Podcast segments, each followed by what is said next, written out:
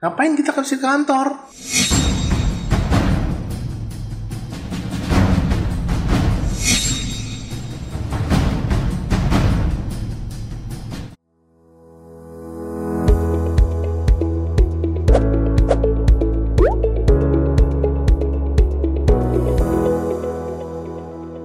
Halo sobat pendengar semua, selamat datang di episode pertama podcast Kawan Lama Sejahtera. Jadi uh, kita hari ini uh, melakukan episode pertama ya untuk podcast Kawan Lama Sejahtera ini. Ceritanya kita mau mengangkat topik-topik yang menarik yang sebenarnya relevan di kehidupan kita saat ini dari Kawan Lama uh, Sejahtera sendiri. Saya Feni, saya selaku uh, corporate strategist dan juga brand manager di Kawan Lama Group sendiri. Uh, nah sekarang kita ada sebenarnya narasumber yang uh, kita undang hari ini untuk memberikan informasi terkini dan uh, beliau adalah komisaris Kawan Lama Sejahtera, Bapak Tony. Mungkin saya akan persilahkan Bapak Tony untuk memperkenalkan diri dan juga cerita sedikit Kawan Lama Sejahtera itu sebenarnya perusahaan yang seperti apa. Baik, selamat pagi. Setelah saya ingin jelaskan sedikit mengenai Kawan Lama Sejahtera. Yang jelas, Kawan Lama Sejahtera berdiri sejak 1955. Jadi tahun ini tahun yang ke-65 tahun. Sebagai toko perkakas yang menurut saya perkembangannya luar biasa. Karena pada waktu itu kita bukan yang mungkin tidak masuk 10 besar atau 15 besar. Tetapi dalam kurun waktu yang 20-30 tahun belakangan ini langsung melejit meninggalkan teman-temannya di daerah Glodok sana. ya itu dari mungkin tokonya dengan hanya beberapa orang terus berkembang dan kita termasuk salah satu perusahaan yang uh, menjemput bola. Menjemput bola artinya apa? Yang lain itu toko menunggu customer datang, kita mendatangin customer. Memang pada awalnya mungkin sulit ya, karena uh, customernya uh, tempatnya masih nggak jelas, tahu sendiri kah zaman dulu pabrik-pabrik itu kalau dicari susah ya. Zaman sekarang sudah semuanya well established, gampang dicari, apalagi lagi Google dulu nggak bisa.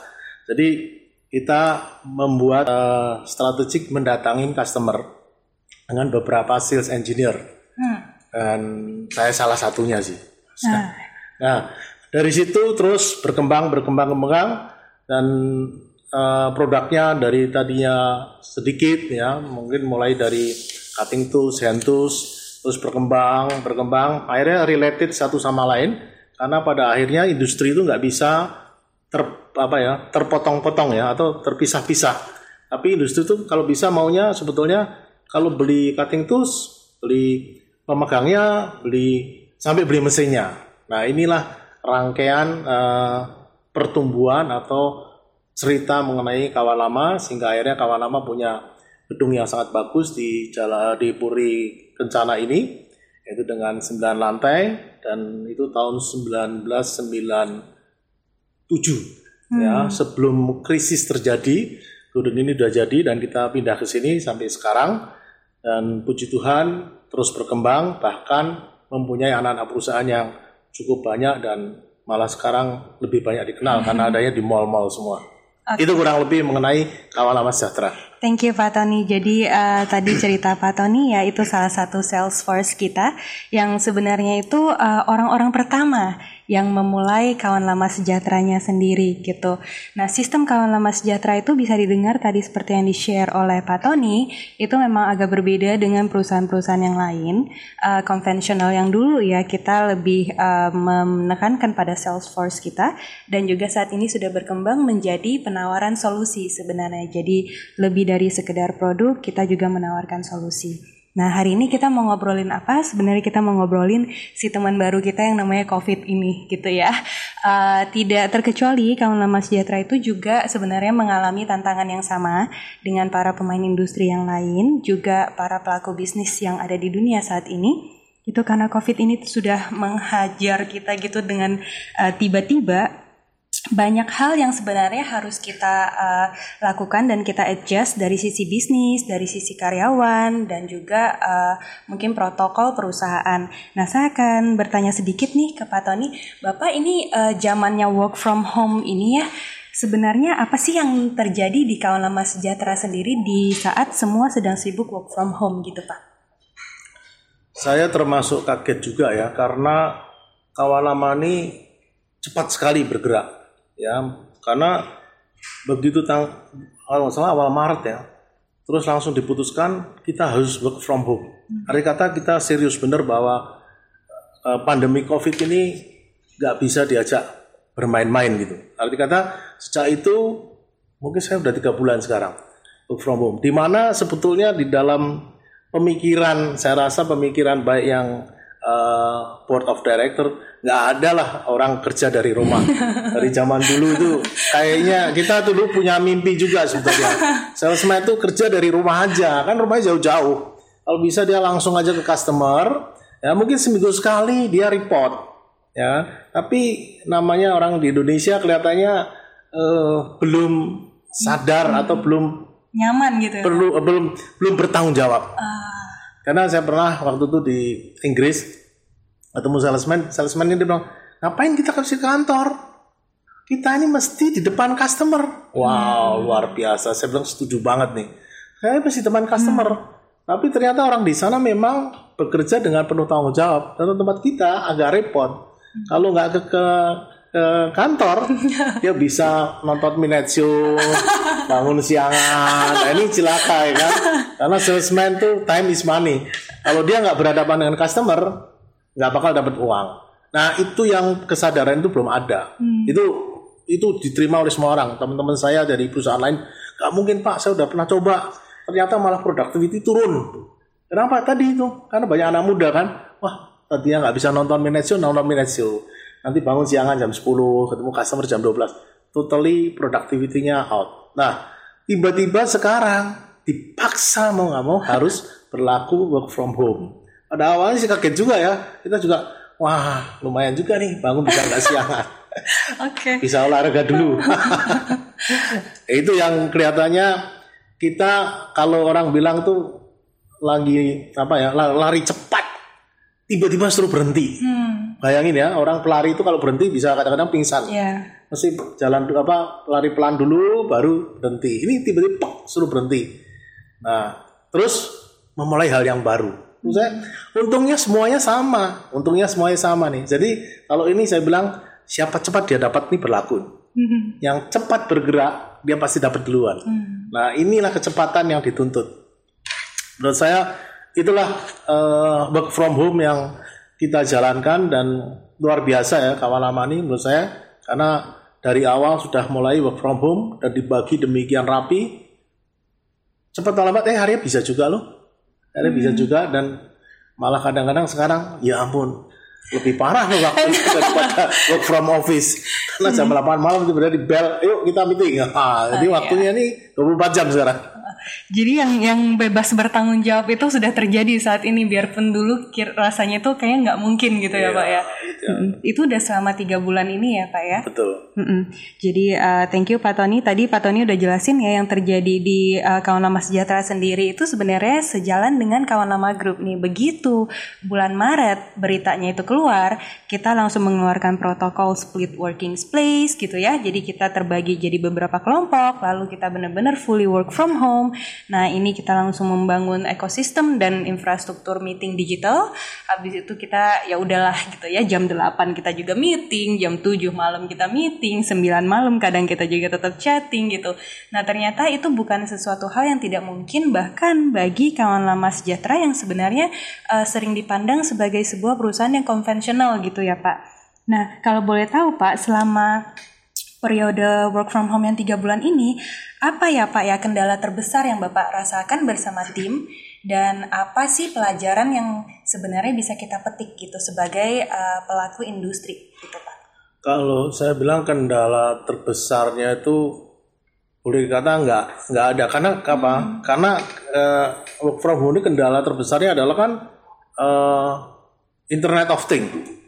Komunikasi melalui internet dan kawalan ini luar biasa kita punya sistem Microsoft Teams ya semua orang bisa komunikasi sementara yang lain masih belajar Zoom belajar Google Meet ya dan yang luar biasa orang-orang tua juga sekarang udah paham dengan Zoom, Google Meet dan kita punya Microsoft. Jadi secara komunikasi dengan menggunakan internet Kita nggak begitu. Itu misalnya masalah besar di perusahaan-perusahaan lain yang kemungkinan hmm. tidak IT base. Jadi itu pasti akan sulit. Bisa by phone, by WA ya kan. Hmm. WA aja kalau grup itu cuma 4 atau 8. Sekarang kalau karyawannya 30 aja nggak bisa ya kan. Nah menurut saya kawan lama waktu itu komunikasi kesulitannya dengan hmm. yang ada adalah bagaimana kita membiasakan diri menghubungin customer. Nah, ini yang sulit hmm. nih. Karena customernya sebagian juga work from home, ya kan? Kalau ke pabrik nggak mau ditemuin, gara-gara ya dia punya protokol hmm. juga. Nah kesulitannya menurut saya bagaimana kita intens berhubungan dengan customer. Padahal tugas kita adalah menjual. Tugas kita berjumpa dengan customer. Dan customer tidak biasa melalui internet hmm. atau melalui uh, video klip. Nah ini yang kita harus membiasakan diri karena komunikasinya hanya dengan uh, digital, apa gitu, digital. Kan? Berarti harus kita siapkan lah digital marketingnya apa dan kita siapkan juga customernya. Tentu customernya sebagian ada yang konvensional, uh. ada yang konservatif. Kalau yang multinasional mungkin no problem ya. Hmm. Tapi banyak customer kita yang masih konservatif itu. Terus gitu. kalau misalnya mereka begitu Pak, apa yang kita lakukan untuk membantu mereka Pak biasanya? Misalnya kita rayu-rayu yang, kita. yang kita lakukan waktu itu segera kita lakukan produk-produk yang berhubungan dengan pandemi COVID. Hmm. Ya, kita siapin APD, masker dan lain-lain dan itu yang menyumbang lumayan termasuk termogan. Hmm, hmm, hmm. Mau nggak mau kita siapkan uh, leaflet. Leaflet bagi mereka yang masih konservatif yeah. kita iya. bisa kirim WA Sementara video klip kita siapkan juga dengan durasi kalau nggak salah 1 sampai 2 menit. Itu lumayan juga tuh. Kita kirim sehingga akhirnya orang bisa mengerti, oh ini yang kami butuhkan nih. Hmm. Ya, karena tiba-tiba chaos kan, tiba-tiba hmm. chaos, banyak orang menawarkan barang aneh-aneh hmm. dengan harga yang nggak jelas. Waktu kita tawarkan thermal imaging itu harga 30 juta, kok ada yang nawarin saya 140, ada yang nawarin 120, ada yang nawarin 300. Ini kan nggak jelas hmm. customer. Hmm. Nah, customer pasti akan milih kepada kepada partner atau supplier yang dia yang reliable, yang dia kenal. Sehingga kalau beli sama kita, ini contoh termogan. Termogan itu di pasar banyak sekali. Dari 400 ribu sampai 2 juta. Kita ini 1 juta 380 ribu. Kenapa mereka nggak beli yang 700 ribu, 600 ribu? Karena suppliernya nggak jelas. Hmm. Sedangkan kalau kawan lama, jelas. Ada apa-apa, bisa dimintai pertanggungjawaban. Di situlah kita beruntung uh, orang membeli ke kita karena apa di belakangnya siapa. Mm-hmm. Yang 600 ribu bisa dapat dua loh. Kenapa nggak beli 600 ribu? Ya, takut abal-abal, dalamnya apa, nggak jelas. Dan mereka itu adventurir semua. Maksudnya orang-orang yang beli sekali 100 sudah jual habis lah. Yang yeah. penting untung. Nah, model begini bermunculan nih, termasuk masker 3 ply, hmm. N95 ke N95. Nah ini banyak customer nggak jelas. Yeah. Tapi kita aja kadang-kadang sales semua juga ini bedanya yang medis yang non medis mana? Yeah. Karena dulu nggak pernah belajar itu kan tiba-tiba masker tiga ply, dua ply, empat ply ini apa bedanya itu? Jadinya kita belajar semua gitu ya Pak, ya, Salesforce-nya semua. Mau nggak mau dipaksa kita harus belajar. Iya. Oke, okay, thank you Pak Tani tadi ceritanya ya. Jadi uh, yang bisa kita simpulkan itu sebenarnya hikmah dari semua pengalaman kita selama tiga bulan ini, selain tantangan yang sales hadapi juga adalah sebenarnya pentingnya human connection juga uh, relationship between uh, our vendor and also kita sendiri gitu ya. Sebagaimana kita tahu nama kita itu sebenarnya kawan lama sejahtera. Nah, kata kawan lama ini sendiri mengandung uh, makna yang begitu dalam sehingga di masa pandemi ini saat semua opportunity sedang keluar mengeluarkan berbagai macam cara dengan berbagai macam produk uh, kita masih tetap lumayan stabil gitu. Jadi uh, customer kita bisa look up to us merasa aman untuk membeli produk kita meskipun harganya terkadang di atas dari harga-harga yang ditawarkan di pasar. Jadi Pak Tony uh, tadi barusan sudah bercerita ya bagaimana sebenarnya connection kita ini ke customer kita yang sudah kita bangun selama 65 tahun ini membantu kita di saat pandemi ini gitu. Nah, kita akan move ke sesi selanjutnya kita akan ngebahas nih new normal nih. Sekarang uh, eh, PSBB kita ini sudah mulai direlaksasikan. Nah, dengan relaksasi ini kita mempunyai new normal nih istilah baru nih. Kita mulai masuk ke office dan uh, kehidupan kita diharap bisa rolling kembali seperti dulu namun dengan uh, berbagai macam adjustment gitu. kita ceritanya harus hidup bareng COVID gitu ya dan bekerja bareng COVID dan jualan bareng COVID. Nah ini aku akan tanya nih ke Pak Tony sebenarnya ada pesan-pesan tertentu ke karyawan-karyawan kita atau mungkin pelaku industri dan pebisnis itu menyambut new normal ini apa ya yang harus mereka lakukan mungkin dari sisi mindset, dari sisi mental atau fisik gitu. Ya, penyambut new normal ini perlu kita sadari bahwa COVID ini ada di sebelah kita, bukan sudah melarikan diri. Jadi COVID ini masih bersama kita. Nah, bagaimana kita bekerja dengan COVID yang ada di sebelah kita? Tentu saja dari kesehatan sudah mengatakan banyak sekali ya, ada cara-cara bagaimana kita mempersiapkan secara fisik, yaitu adalah protokol protokol COVID-19. Arti kata apa? Kita harus sering mencuci tangan, menggunakan masker. Begitu keluar rumah kita menggunakan masker. Ya, jangan lupa itu. Terus kemudian menjaga jarak, physical distancing, social distancing. Itu hal-hal yang perlu kita persiapkan. Itu namanya new normal udah. Karena tadi ke kantor nyelonong aja masuk keluar masuk. Sekarang eh bentar desinfektan dulu. Setelah itu masuk cek suhu. Suhunya oke okay nggak? Baru masuk. Terus kadang-kadang kita semprotin tempat kita meja kerja dan jaga jarak sehingga akhirnya menurut saya ini new normal. Kenapa? Tadinya kita mungkin jaraknya setengah meter udah sebelah kita ada orang. Atau 45 meter, 45 cm ada orang. Sekarang minimal harus satu meter. Terus masuk lift tadinya bisa 10 orang sekaligus masuk sekarang hanya lima orang. Dan ini terjadi bukan tempat kita ya tapi kita persiapkan dengan baik itu secara fisikal. Secara mentali mentalitas ya berarti kita harus mempersiapkan bekerja dengan ekstra. Ekstra apa? Karena dituntut kita tadi saya katakan kecepatan, ya kan? Semua responnya harus cepat dan sekarang kalau orang meminta barang kadang-kadang udah nggak bisa lagi. Uh, saya ibaratkan kayak kita order GoCar atau Grab. Uh, milenial sekarang 3 menit cancel. Jadi kalau kita ikutin milenial 3 menit cancel itu adalah sekarang yang terjadi sekarang ada zaman new normal. Kita harus berhati-hati di sana sehingga mental kita harus siap. Jangan lagi kita tarsu-tarsu, tapi segera lakukan karena sudah sudah nggak ada hari esok lagi ya. Sekarang kan kayak nggak ada hari esok lagi. Maka dari itu semua karyawan seharusnya sudah siap secara mental. Selama tiga bulan ini kita sudah belajar banyak. Seharusnya cukup ya selama tiga bulan ini dan kita akan mulai dengan new normal dan ini kita kita bisa berdampingan dengan COVID sekaligus bisnis juga tetap akan jalan. Itu yang menurut saya secara persiapan yang menghadapi new normal. Hmm. Thank you Pak Tony. Jadi dari sisi mindset kita harus lebih waspada Terus kita juga harus uh, tetap taat sama semua protokol yang sudah disiapkan oleh pemerintah ya untuk kita-kita. Dan dari sisi bisnis kita akan selalu adaptif dan selalu agile. Sekarang tidak bisa lagi ceritanya uh, minum kopi dulu baru saya jawab itu telepon mungkin kali ya Pak ya. Sekarang saat ini uh, sekarang juga gitu mindsetnya gitu ya. Kalau untuk sisi office tadi saya sempat dengar Pak Tony mention oh kita disinfect dulu nih. Habis itu kita termo uh, cek dulu gitu. Nah dari sisi office itu biasanya apa sih yang sudah kita lakukan nih dari di dalam kawan lama grup Pak? Protokolnya mungkin atau mungkin alat-alat yang diperlukan dan mungkin uh, persiapan chamber dan segalanya itu gitu Pak. Bisa cerita sedikit? Wah kita termasuk cukup lengkap loh. Hmm. Dari awal Maret tuh saya ikutin pertama tiap hari Sabtu sudah jendela dibukain semua supaya ada fresh air masuk terus dipasang air air apa ya air purifier air purifier hmm di setiap lantai ada air purifier memastikan bahwa udara tersirkulasi dengan baik. Terus kita siapkan disinfektan disinfektan yang apa pakai blow itu pakai uh, pakai angin dan disemburkan.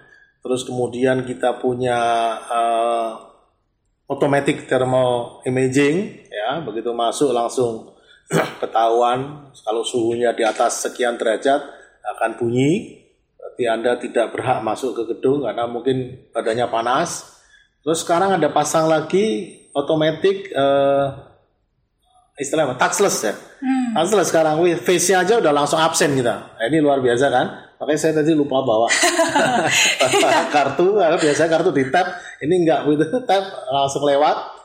Itu yang yang udah kita persiapkan dengan baik. Terus tadi juga masuk lift sudah dikasih tanda bahwa tidak boleh lebih dari ini. Kemudian juga saya rasa bukan bukan hanya kawan lama aja, kawan lama grup juga melakukan itu semua kan. Protokolnya begitu kuat sehingga belakangan saya dengar contohnya store-store kita menjadi percontohan juga Ya, mengenai eh, apa toko yang sudah mempersiapkan new normal. benar. Itu menurut saya gedung ini luar biasa. Kita sudah persiapkan tidak hanya di pusat tapi di cabang-cabang juga. Thank you Pak Tony. Jadi uh, saya akan recap sekali lagi nih ya karena langkah-langkah yang kita ambil tuh begitu banyak bagi para pemilik bisnis saat ini di Indonesia atau yang punya kantor sendiri atau mungkin yang kerja di rumah atau mungkin yang uh, sekedar berkumpul di coworking space ya. Uh, yang bisa diperhatikan itu dari sisi udara itu kita air purified lalu keep the circulation uh, happening gitu ya, flow, buka jendela dan segalanya. Dan jangan lupa untuk menyiapkan disinfektan gitu, hand sanitizer di segala station yang mungkin ada touch pointnya. Setelah itu kita juga melakukan thermocheck buat teman-teman yang punya office yang mungkin lebih besar di gedung-gedung uh, tinggi bisa mulai mencari yang namanya auto thermocheck gitu. Jadi dia kayak TV gitu. Kita kalau lewat tuh langsung ketahuan gitu ya. Uh, kita tuh suhunya berapa. Kalau misalnya suhunya di atas suhu normal nggak bisa masuk karena udah jadi wanted person gitu. Nah selanjutnya itu juga mulai bisa dilihat dari struktur office itu diusahakan touchless dari face recognition gate gitu ya sampai ke mungkin tong sampah yang tidak perlu lagi digunakan tangannya gitu. Juga di lift kita sudah dibatasi jumlah orang yang masuk, stiker-stiker yang dibutuhkan itu juga mulai bisa di sourcing mungkin ya. Uh, lalu di sisi WC sebenarnya kita pun menyiapkan uh, ini sabun cuci tangan yang udah antibakterial gitu ya Pak ya. Jadi dulu mungkin sabun apa aja boleh deh gitu, kuning, merah, hijau gitu ya terserah. Tapi sekarang mungkin ada baiknya jika sabun kita itu juga dilengkapi oleh zat-zat uh, antibakterial. Nah, salah satu yang dimention sama Pak Tony tadi adalah toko kita yang ACE ya Pak ya di bawah kawan lama grup itu uh, bahkan sudah mendapatkan uh, recognition gitu dari pemerintah bahwa ini bisa dijadikan contoh untuk pelaku-pelaku uh, bisnis yang lain yang sedang mempersiapkan diri untuk buka lagi di mall gitu ya. Nah, produk-produk yang ada di bawah kawan lama grup ini sebenarnya juga bisa didapatkan di kawan lama sejahtera gitu. Jadi buat teman-teman yang uh, penasaran gitu bisa coba cek gitu ke kawan lama sejahtera yang udah denger podcast ini juga mungkin penasaran gitu akunnya apa sih namanya gitu ya itu sama kawan lama sejahtera uh, di YouTube juga ada kawan lama sejahtera ya sama uh, tidak perlu cari nama-nama yang lain. Kita kawan lama sejahtera KLS gitu ya.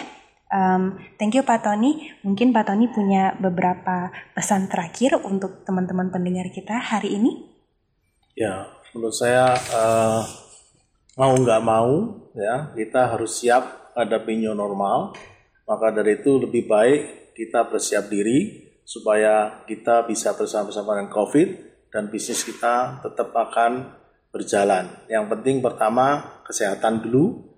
Kata Jack Ma, kalau kita hidup baru kita memikirkan pertumbuhan. Kalau kita mati udah nggak ada lagi pertumbuhan. Simple sekali, saya suka sekali kata-kata itu. Siapkan hidup dulu, baru kita berpikir pertumbuhan. Kalau mati, tidak ada pertumbuhan. Itu aja. Thank you, Terima Pak kasih. Tony. Oke, jadi stay healthy ya teman-teman ya. Ada hidup, ada pertumbuhan. Tidak ada hidupnya gimana mau tumbuh gitu ya. Uh, thank you for all the listener yang sedang mendengarkan dan juga udah ngikutin kita dari awal sampai akhir. Thank you banget Pak Tony udah sharing ilmunya hari ini. Uh, kita kawan lama sejahtera, kita akan comeback lagi sama episode yang lain dan topik-topik relatable lain yang teman-teman bisa look forward to. So I'm Fanny, I'm gonna sign off for today. Thank you so much everyone. Goodbye, stay healthy, stay fit.